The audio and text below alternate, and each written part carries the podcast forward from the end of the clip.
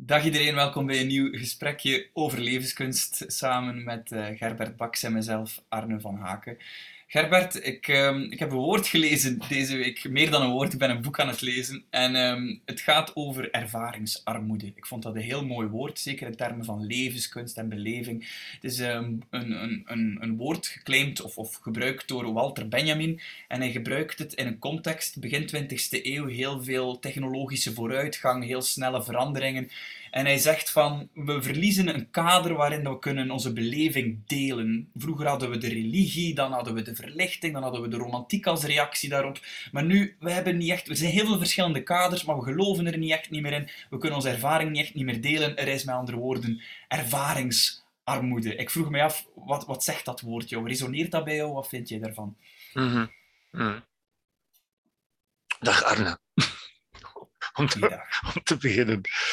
Uh, ik vind het een merkwaardig woord. Het woord resoneert ook niet direct bij mij. Wat wel resoneert, is wat je zegt en wat inderdaad Walter Benjamin en, en anderen, wat eigenlijk de hele postmoderne filosofie ook zegt, ja, um, dat, dat minder belangrijk worden. Men, men, noemt dat vaak wegvallen, maar dat is ook niet weggevallen natuurlijk. Hè.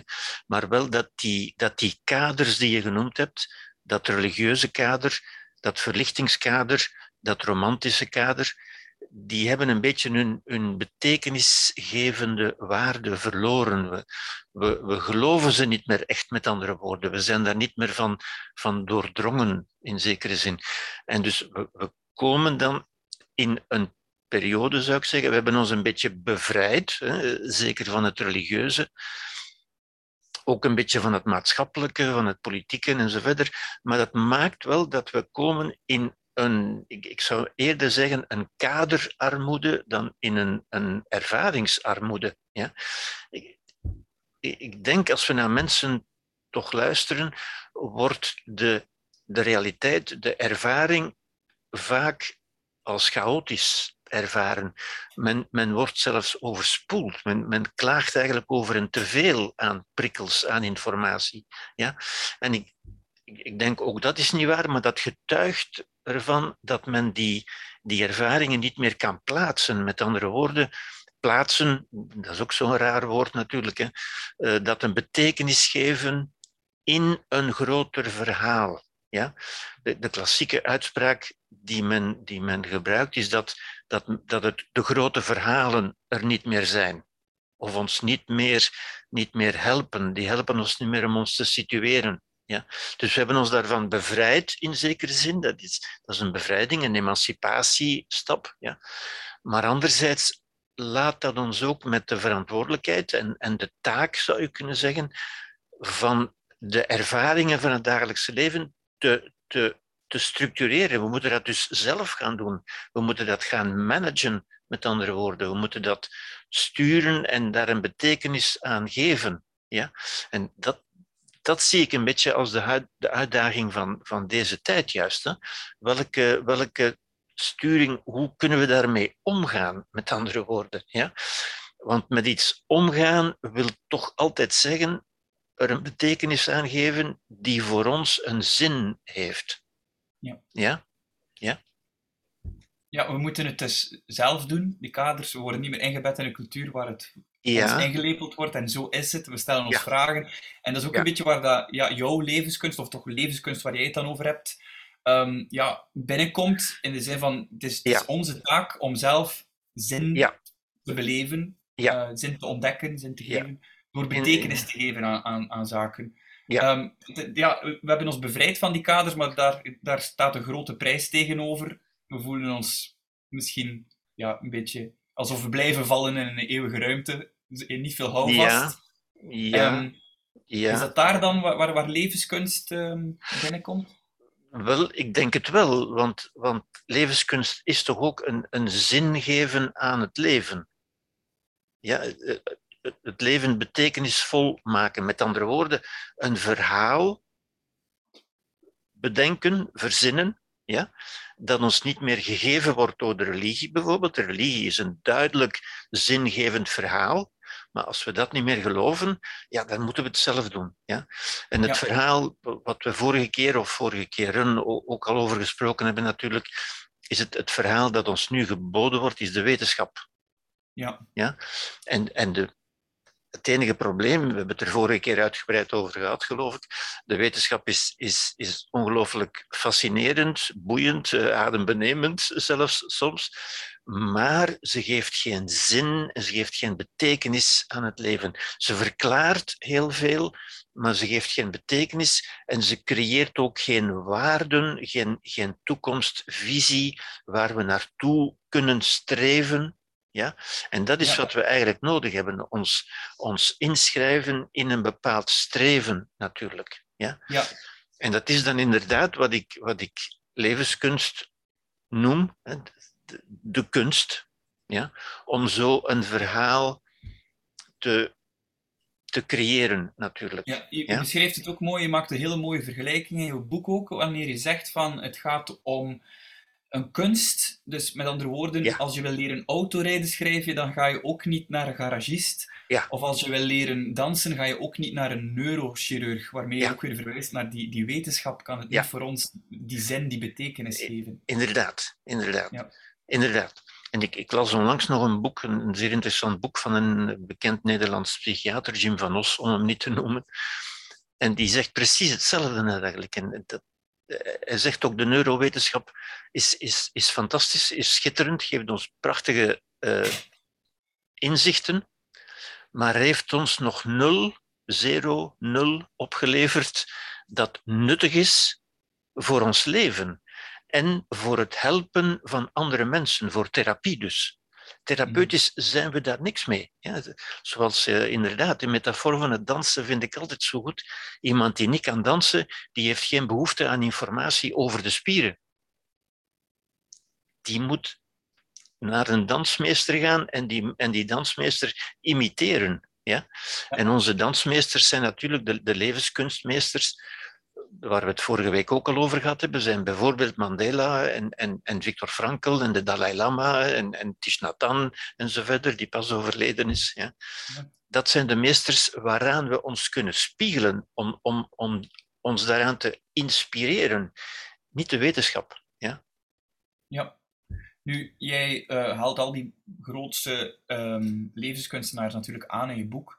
Um, maar je hebt het ook over uh, levenskunst beschrijven aan de hand van uh, drie relaties en drie waarden. Wat voor mij toch een heel overzichtelijk gegeven geeft van hoe kan ik het een beetje plaatsen, wat is die levenskunst, hoe kan ik inderdaad. oefenen. Inderdaad, inderdaad. Nu, dat, dat is wat ik noem de tweede stap.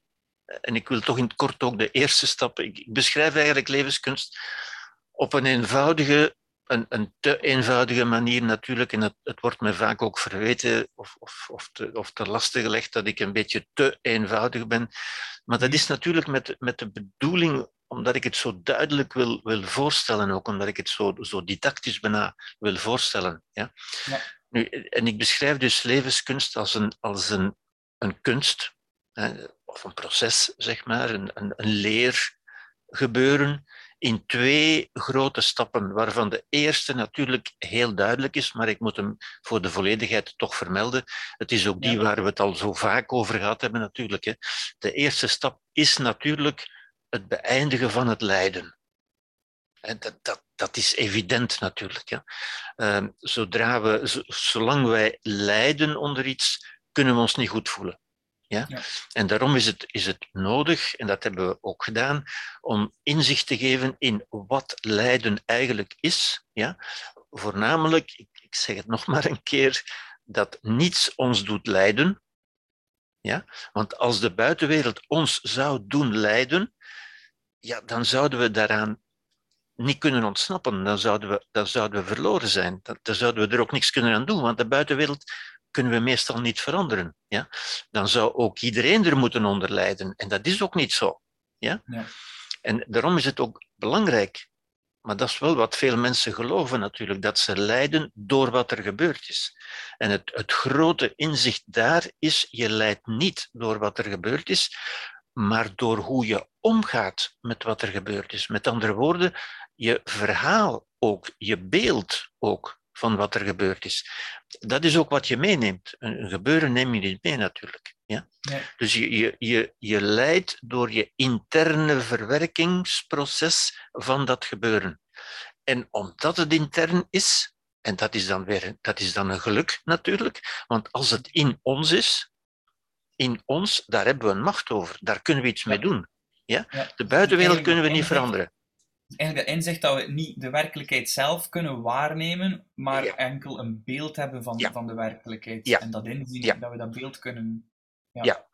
En ook dat is een, een belangrijk inzicht natuurlijk. Hè? Want mensen denken, intuïtief denken wij altijd van, ik, ik zie toch wel en ik ervaar toch wel wat er is.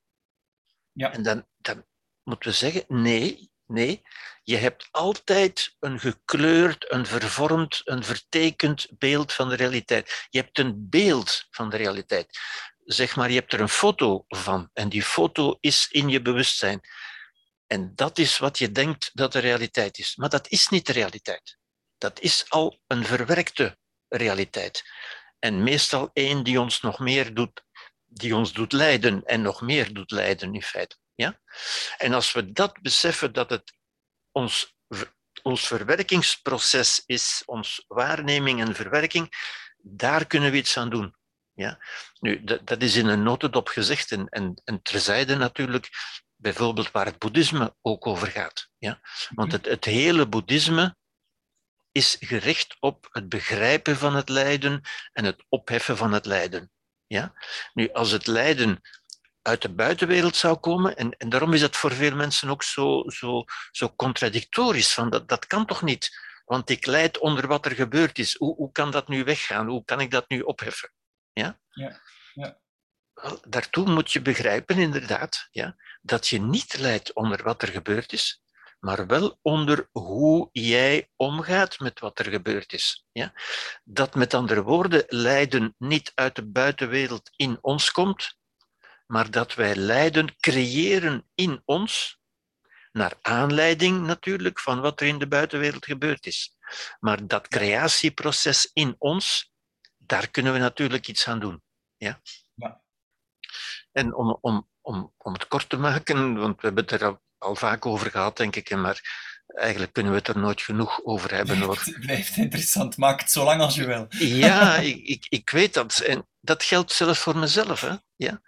Omdat dat inderdaad altijd ingaat tegen onze intuïtie van nee, dat is niet waar, ik leid door wat er gebeurd is. Dat is wat onze intuïtie ons altijd influistert. En waar we dus altijd moeten zeggen van nee, wacht, wacht eens een moment. Nee, het is wat ik heb gedaan. Ik creëer lijden, niet wat er gebeurd is. Ja? Nu, um, en dus het, het uitstappen uit het lijden, zou ik zeggen, het opheffen van het lijden, mm ja? we hebben dat ook al gezegd natuurlijk, is altijd het, het aanvaarden. Lijden is altijd het niet aanvaarden, het verzet, het strijden. Ja? Het vechten. En je moet maar luisteren naar hoe vaak mensen woorden als strijden en vechten gebruiken om, om te begrijpen hoezeer mensen in stress en in lijden zijn natuurlijk. Ja. Nu, als we dat inzien, dan kunnen we, ik zou zeggen, die eerste stap, ik zal hem dadelijk even tonen op een, op een plaatje. De eerste stap is de stap naar aanvaarding. Aanvaarding is vrede. Ja. En ik weet niet of je het merkt, Arne, we hebben dat vorige keer ook gezegd, de kracht, de hypnotiserende kracht van de woorden. Zodra ik vrede uitspreek, voor mezelf, maar ook voor jou, ervaar ik ook vrede in mezelf. Ja? En, bijna een toverspreuk. Ja, inderdaad. Hè? Dat is bijna magisch, natuurlijk. Hè? Maar dat is de magie van ons bewustzijn. Ja? als je dat woord, en ik, ik ben bijna zeker dat als ik dat woord uitspreek, dat het bij jou ook iets doet. Ja? Als je dat zegt, ik ben in vrede, ja? dat is geen beschrijving van wat er is, dat is een creatie van iets. Ik creëer vrede. Ja? En ik zal het dadelijk eventjes tonen. Ik zal eventjes mijn scherm delen. Um, dus dat is levenskunst in twee stappen. Ik zou zeggen, uh, het begint altijd met lijden natuurlijk. Over het lijden hebben we het nu gehad. Uh, de, de logica van het lijden is altijd de nee-logica, het niet aanvaarden dus, ja, waar we het uitgebreid over gehad hebben. Ik ga er nu niet meer, niet in detail op ingaan. Dat is angst, verdriet, woede, depressie. Dat is allemaal niets aanvaarden. Ja? Onvrede, conflict, verzet, oorlog en zo verder beschuldigen van anderen. Ik ga daar niet meer op in. Dus de belangrijke stap is de stap daaruit. Dat is stap 1. Ja. En stap 1 is de stap uit het lijden. Dat is expliciet waar het boeddhisme, maar ook andere leren overgaan, naar vrede toe. Want vrede is het einde van lijden. Ja. Alle lijden is onvrede. En ik stel dat vaak voor bij mensen als een lijn, dat is deze lijn, ja, mm -hmm. die ik aan mensen zeg, u kunt die lijn met u meenemen, u kunt die in uw bewustzijn in je bewustzijnsveld voor jezelf zien. En dat is ook het belangrijke, dat, dat visuele beeld, die lijn meenemen. Ja? Als een soort bottomline, zou ik bijna zeggen. Je weet, de bottomline in, in een bedrijf is dat het geld natuurlijk. Ehm, in onze ervaring is dat vrede. Vrede zou de bottomline moeten zijn. Dat wil zeggen, het vertrekpunt. Ja. Ja? Dat is het einde van lijden. En u kunt zien, zolang u onder die lijn zit, bent u in lijden. Ja? En wilt u dan zeggen de bottom line, het vertrekpunt vanaf waar levenskunst kan beginnen? Dan? Ja, inderdaad. Dus dat is het, het, het, de stap uit het lijden en dat zou de bottom line moeten zijn. Eigenlijk zouden we daar altijd moeten zijn. Als we eronder zijn, zijn we in lijden, in angst, in verdriet, in woede, noem maar op, maar in lijden. Ja? En eigenlijk zouden we die lijn in ons bewustzijnsveld moeten zien en zien, ik kan daar altijd naar teruggaan. Ik kan altijd terug vrede creëren. Want vrede moet ook niet van de anderen komen of ook niet uit de buitenwereld, maar is wat ik zelf kan creëren. Ja?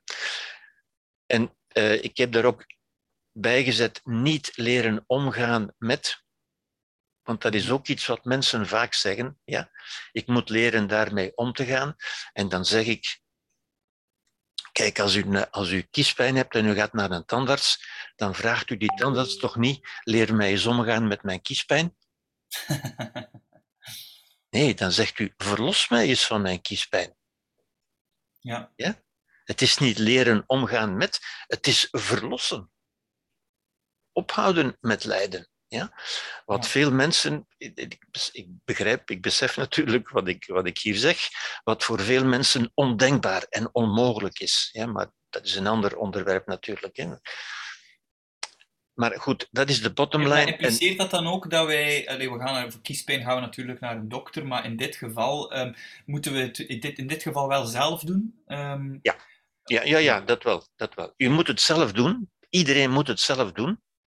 Maar natuurlijk, ik kan erbij een verhaal vertellen, wat ik nu aan het doen ben, waardoor u het kunt gaan begrijpen en kunt gaan inzien en waardoor u inziet dat het mogelijk is dat u het doet.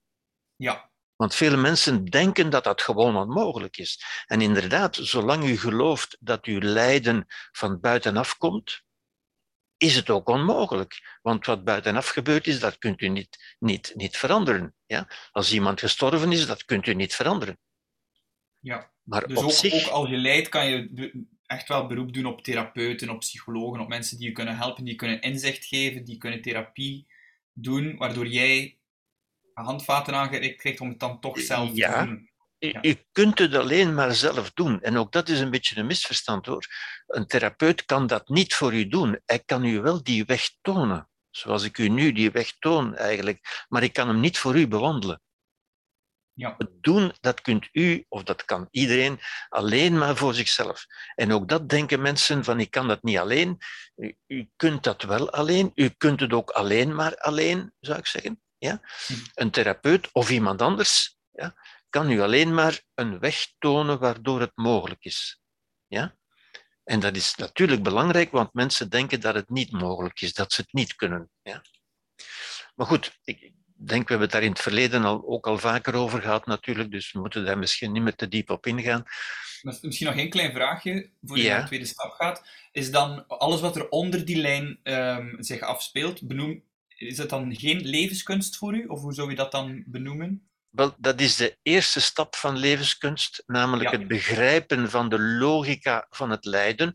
Begrijpen dat ook in lijden, dat daar een logica in zit. ja?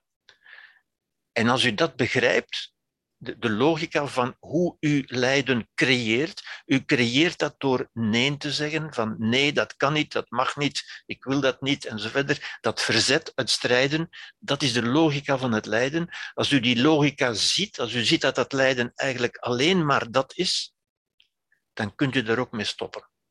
Ja. En u kunt, u kunt, en dat kan ook heel snel gaan, dat vergt niet veel tijd, dat vergt alleen maar inzicht van ik ga stoppen met dat niet aanvaarden. Die mens is gestorven, bijvoorbeeld, en ik ga dat aanvaarden. Ja, ik kan dat aanvaarden. Ik maak daar vrede mee. Maken, creëren. Ik moet nergens op wachten. Ik neem er vrede mee. En vrede is een beetje het sleutelwoord. Het staat hier ook. Vrede is het einde van het lijden. Ja, het einde van het lijden, maar het begin, of de bottom line waaruit we dan kunnen Juist, juist inderdaad, inderdaad. Want dat is op zich nog geen welzijn, natuurlijk. Ja? Dat is het einde, zou ik zeggen, van het onwelzijn, van het lijden. En dan bent u een beetje, zou ik zeggen, neutraal. Vandaar dat ik dat ook bottomline noem. Dan bent u klaar, op dat moment bent u klaar om te beginnen met het construeren, het creëren ook, van welzijn. Ja? En dan komen die drie waarden waar je het er net over had. Ik heb dat ook weer eenvoudig voorgesteld. Voor velen misschien te eenvoudig, maar toch wel heel duidelijk, denk ik. Ja? Um, en dat is dan de tweede stap natuurlijk. Ja? Dus vrede is de basis. Vrede of sereniteit of gemoedsrust. Of, ja? Uh, Hannah Arendt noemt dat bijvoorbeeld de tweede geboorte. Dat wil zeggen de geboorte eigenlijk als volwassen mens, eigenlijk is dat een volwassen levenskunst die bijna, ik zou het bijna durven zeggen als ik zou durven, dat elke volwassen mens die levenskunst zou moeten hebben. Ja? Mhm. Als we die niet hebben, is het niet omdat we dom zijn of, of lui of, of dom, maar omdat men ons dat niet geleerd heeft, wat gewoon. Ja. Maar goed, dus dat is de bottom line, waarop een tweede stap komt. En die tweede stap is dan het creëren van welzijn. Dus de tweede stap is van vrede naar welzijn. Ja? En welzijn, daar, heb ik, daar is ook een logica in, namelijk de ja-logica, de logica van aanvaarding. Ja? En dan komen er een aantal waarden bij, waarden die we moeten creëren, die we kunnen nastreven, waarmee we ons leven kunnen vullen, met andere woorden. Ja? Er staat wijsheid, mededogen. Ja? Um, en vooral ook inderdaad enchantment, empowerment en zinvolheid, die de drie waarden zijn waarnaar je net verwees en die ik een beetje anders voorstel ook. Ja? Mhm. Op een ander plaatje de drie waarden. Ja? En dat zijn dus de drie waarden voor het creëren van welzijn. Dus als u in vrede gekomen bent, kunt u welzijn gaan creëren. Ja? En die drie waarden stel ik voor als drie ingrediënten. En het woord ingrediënten vind ik ook zo belangrijk. Ja? Uh, ik stel dat ook voor als de ingrediënten van een brood, bijvoorbeeld. Ja? Uh, u kunt met die ingrediënten kunt u gaan spelen en kunt u uw eigen brood maken. Ja? Voor iedereen zijn de ingrediënten gelijk en toch maakt iedereen zijn eigen brood, zou ik zeggen. Ja? ja. En de, de eerste waarde, de eerste ingrediënt is enchantment. En enchantment is een, is een Engels woord, omdat ik er niet zo'n goed Nederlands woord voor vind, is eigenlijk uh, verwondering, maar ik zou zeggen superverwondering. Ja? Het, het een beetje, de, de verrukking eigenlijk, het, het verrukt zijn. Ja? Het helemaal opgaan in iets. Het eigenlijk woordeloze, sprakeloos zijn, zou ik zeggen. Hè? Het, ja. to stand in awe. Enchantment, enchantement in, in het Frans, een beetje. Ja? Um, en dat is iets wat, wat men kan leren, wat we ook moeten leren, zou ik zeggen. Ja? Als volwassenen, een kind doet dat spontaan, maar als volwassenen moeten we dat opnieuw leren. Dat wil een beetje zeggen, het, het wonder zien in de gewone dingen. Ja, nu, dat is iets waar we ook een heel gesprek zouden kunnen aan wijden, maar ik ga nu eventjes door om het, om het te schetsen. Ja. Dus dat is het eerste ingrediënt. Ja. Het tweede is empower, uh, zingeving, zinbeleving. Dat is wat ik net ook heb gezegd. Een, een verhaal bedenken, een kader, zoals je het hebt genoemd, ja, waarin wat wij doen een zin heeft, waarin ons leven een zin heeft. Ja? En de derde is empowerment. En empowerment is het besef dat u de macht hebt om dat te doen. Zoals we vorige keer hebben gezegd, als je naar die grote mensen kijkt en dan je realiseren van iets daarvan kan ik toch ook. Wel, dat is een, een empowerende gedachte die power, kracht in uzelf wakker maakt. Ja? Ja. En nu ga ik er nog iets aan toevoegen om dat, om dat een beetje in perspectief te plaatsen. Want het wordt duidelijker, denk ik, nog duidelijker, als ik het omkeer. Ja? Mhm. Als ik het vervang, als ik bijvoorbeeld enchantment, ja, dus op de, ja, de, de drie samen geven welzijn. Ja? Dus welzijn bestaat uit een combinatie van die drie ingrediënten. Mag ik nog een klein ja? vraagje stellen daarover, uh, Gerbert? Ja. In je boek schreef je daar dan ook over, ook tussen deze drie is er weer sprake van een conversatie eerder dan van een evenwicht of een balans. Ja, ja, ja, inderdaad. inderdaad, en wat inderdaad. bedoel je daar dan mee? Van Wel, die moeten niet in evenwicht zijn. Het evenwicht is een, is een, is een woord dat, geen, dat gewoon geen zin heeft hier. Ja? Ja. Uh, in conversatie, dat we zeggen, ze werken samen. En ze zijn... Ah, ja, ja, en met evenwicht bedoel je bijvoorbeeld van het is niet dat je ineens te veel enchanted kan zijn en dat dat de nadelen van iets anders komt, nee, van empowerment. Nee, nee, nee het is geen, geen nuloperatie. Ik zou zeggen, je hebt, je hebt 100% enchantment nodig, 100% zinbeleving en 100% empowerment. Het is geen afwegen tegenover elkaar. Je hebt ze alle drie nodig. Ja? En je kunt er niet te veel van hebben, denk ik. Ja? Maar ik denk dat, dat het idee nog wat duidelijker wordt als ik het omkeer. Dat is heel merkwaardig, maar als ik het omkeer, wordt het nog duidelijker. Ja? Als ik bijvoorbeeld enchantment vervang door disenchantment. Disenchantment is de attitude, de houding die we veel meer horen natuurlijk, omdat we veel meer horen van onwelzijn dan van welzijn. Ja? Hm. Disenchantment is de ontgoocheling. Ja. Ja? De de attitude van er is, er is niks. In mijn leven is er niks dat mooi is, hè, zoals we vorige keer ook gezegd hebben, met, toen we het over Elisabeth Grimaud hadden. Hè, ja. Er is, in mijn leven is er niks dat goed is, er is niks dat de moeite waard is. Er is niets dat mij vervult, dat mij verrukt, zou je kunnen zeggen. Ja? En bovendien is mijn leven toch maar zinloos. Want het leven, het is toch allemaal maar zinloos. Ja? ja. En bovendien derde, ja, bovendien kan ik er niks aan doen. Mhm. Ik kan er niks aan doen. Dat is de disempowerment. Dat wil zeggen, ik, ik ben machteloos. En ook dat woord horen we zo vaak natuurlijk. Hè? Ja. Wel, ik zou zeggen, als je deze drie, disenchantment, zinloosheid en disempowerment, samenneemt, dan zijn we tot onwelzijn. En dat onwelzijn, het prototype, is de depressie natuurlijk. Ja? En dat zijn dingen die u zo kunt horen zeggen bij mensen die een diagnose van depressie of die zichzelf depressief noemen, want zo gaat dat tegenwoordig. Ja? Ze zeggen, in, in mijn leven is, is er niks, ik heb niks. Er is niks moois, er is niks verrukkelijk, het is allemaal zinloos en ik kan er niks aan doen. En bedoel je dan ook, Gerbert, om ik ben nu even de link aan het leggen met de vorige slide, waar hij zegt de bottom line betekent nog niet welzijn, en vrede zijn betekent nog niet per se welzijn. Ja. Kan dat bijvoorbeeld dan ook dat je in dit onwelzijn, de kader die je nu geschept hebt, dat, dat, je daar, dat, vrede, dat, de bottom, dat je op de bottom line zit, dat je wel vrede hebt met het feit van er is niks mooi?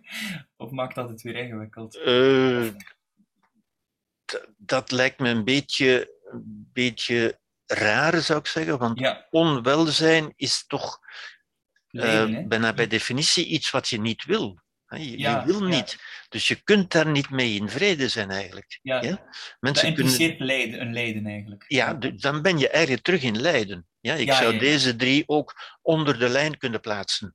Ja, Dit, dit is eigenlijk lijden. Ja? Uh, maar het is een lijden, zou ik zeggen, zonder grote oorzaak van buitenuit.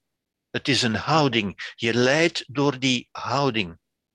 Ja. Doordat je de buitenwereld verandert niet, maar jij ziet er niks moois in, niks goeds in, niks fijns in. Ja? Je vindt het, allemaal zinloos. Je vindt het, eigenlijk. Ja. Ja. ja. dat is je bril. Hè? Je vindt het ook zinloos.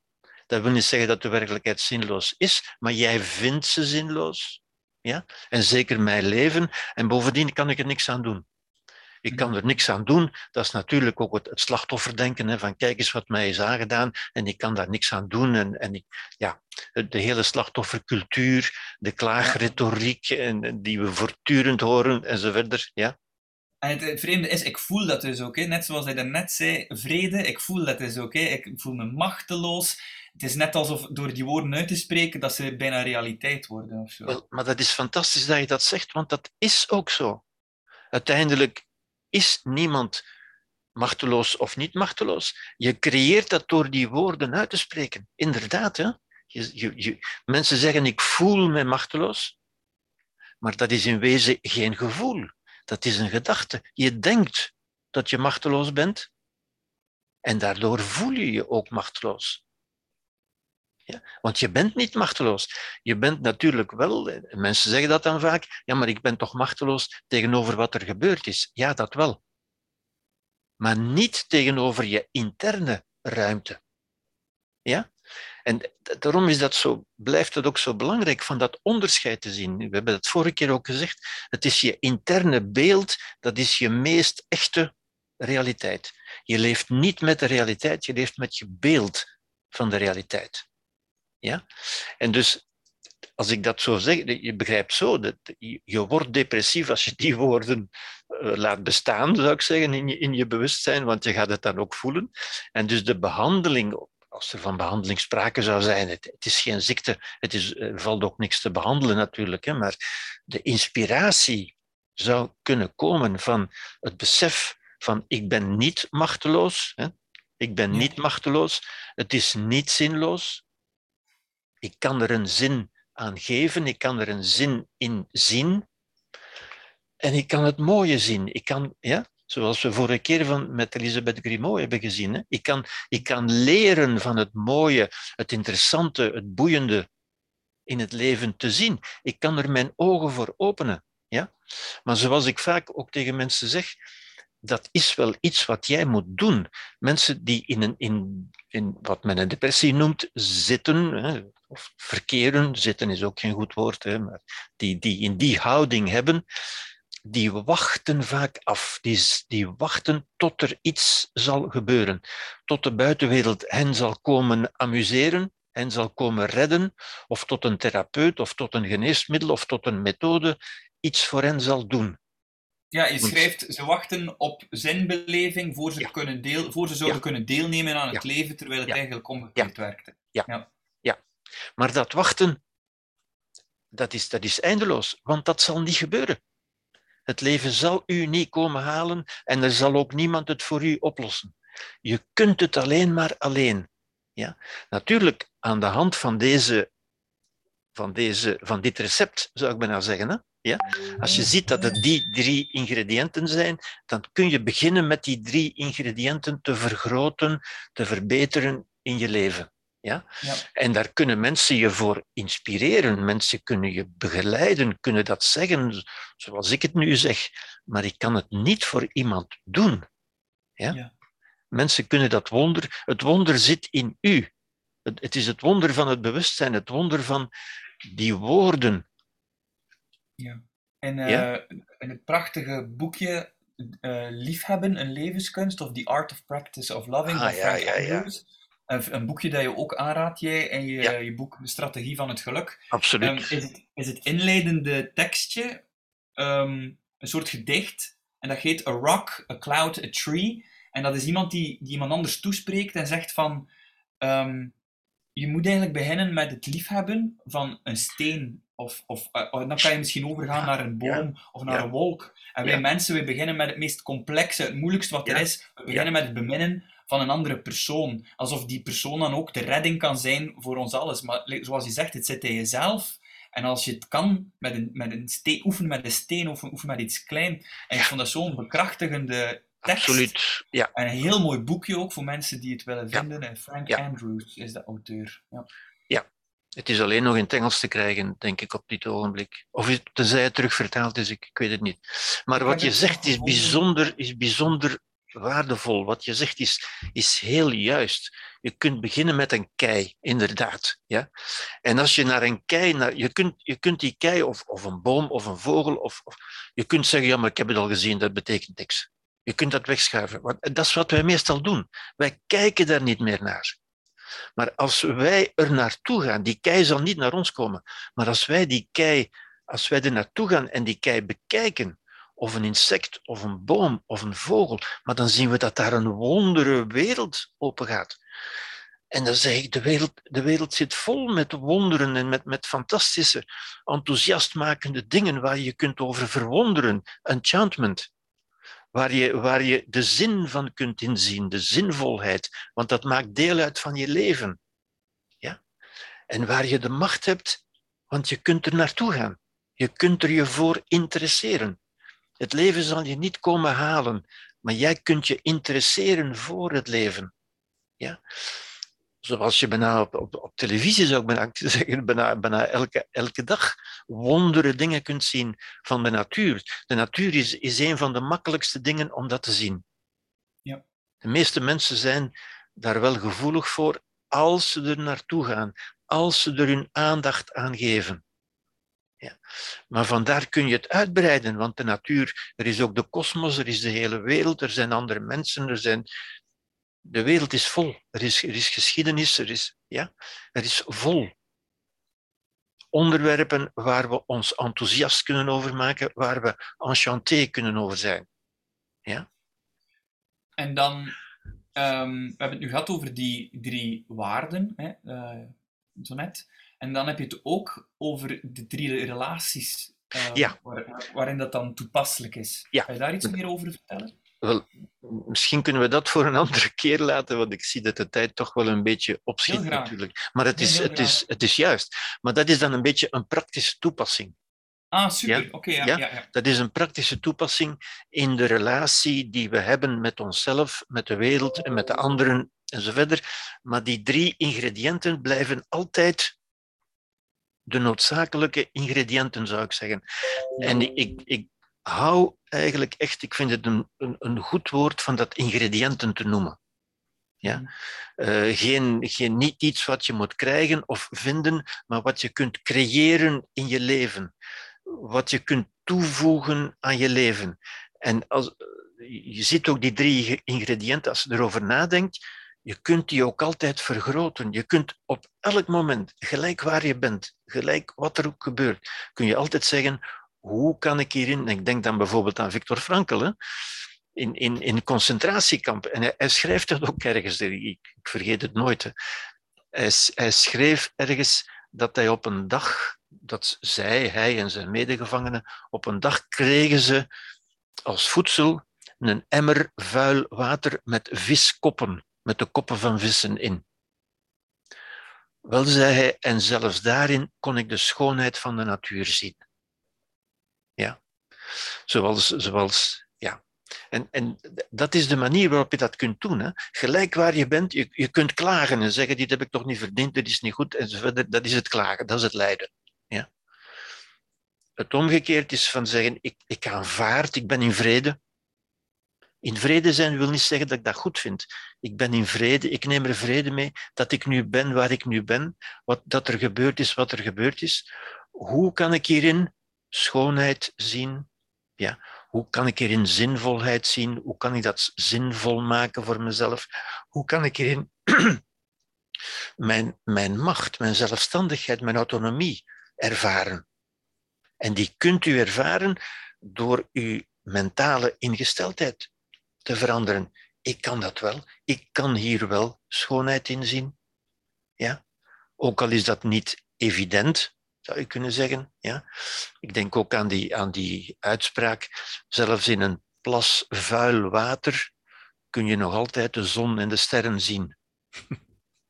Prachtig. Ja, ja. En dat is ook de, waar, waar Tignatan, ik weet niet of je hem kent, hij is nu pas overleden.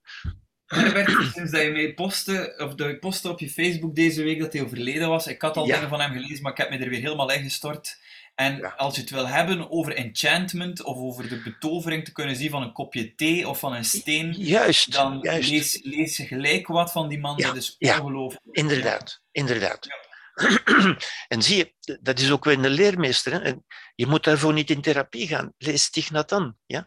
Dan, dan heb je daar concrete voorbeelden van die je inspireren van ja, zo kan ik het ook zien. Zoals hij naar een kopje thee kijkt, dat doet Frank Andrews trouwens ook. Ja. En, en zo kunnen we leren kijken. Dat is niet het genezen van een ziekte.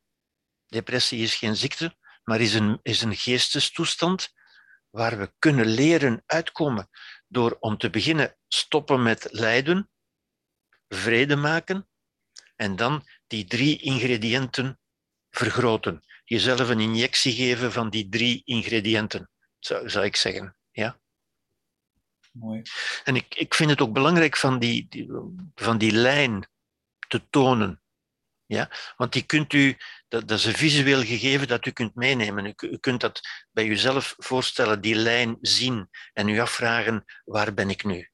Ben ik nu onder die lijn of ben ik boven die lijn? Hoe kan ik naar die lijn toe gaan, naar dat platform, naar mijn bottomline? En hoe kan ik meer welzijn creëren? En ziet, alleen al dat denken stimuleert uw empowerment, want u kunt dat doen. U kunt dat, ja, u kunt dat ook. En ik kan dat ook, en iedereen kan dat. Ja. Ik vind het ook mooi omdat ergens die lijn een soort van standaard stelt. Ja. het, is niet, ja. het is niet zo van, um, je, je, je, je leidt, wel hier is een, een vleugje levenskunst om je uit dat lijden. Nee, ergens stel je zo van, kijk, vrede is nog maar het begin en de, het inzicht. En als je die vrede hebt, dan kan je beginnen je instrument goed te bespelen. Vanaf dan begint het.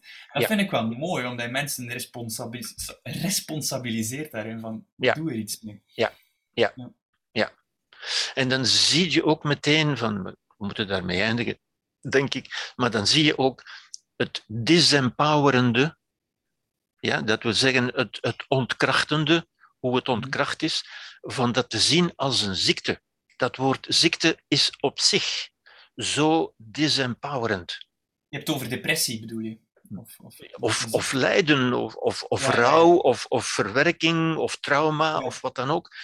Als je dat ziekte noemt, dan disempower je jezelf al. Want in dat woord zit in dat is iets wat mij overkomen is, waar ik niks kan aan doen. Ik ben slachtoffer. Dat zit in het woord slachtoffer natuurlijk ook. Ja? Nee, u bent niet geslacht. Nee, u bent niet geofferd. U bent geen slachtoffer. U bent iemand die iets meegemaakt heeft en die daar iets mee kan doen. U kunt dat. Ja? Maar dat, dat ziekte-idee, het hele medische idee overigens, ik moet naar een psychiater, want ik heb een, ik heb een mentaal ziekteprobleem. En, en dan ook geneesmiddelen. Geneesmiddelen nemen heeft op zich ook al dat, dat hypnotische boodschap van dit is wat jou gaat helpen, want jij kunt het niet alleen. Dit heb jij nodig om beter te worden. Dat wil zeggen, jij kunt dat niet alleen. Er is iets mis met u. Er is een ziekte in uw brein. Ja. ja? Disempowerende gedachten. Absoluut.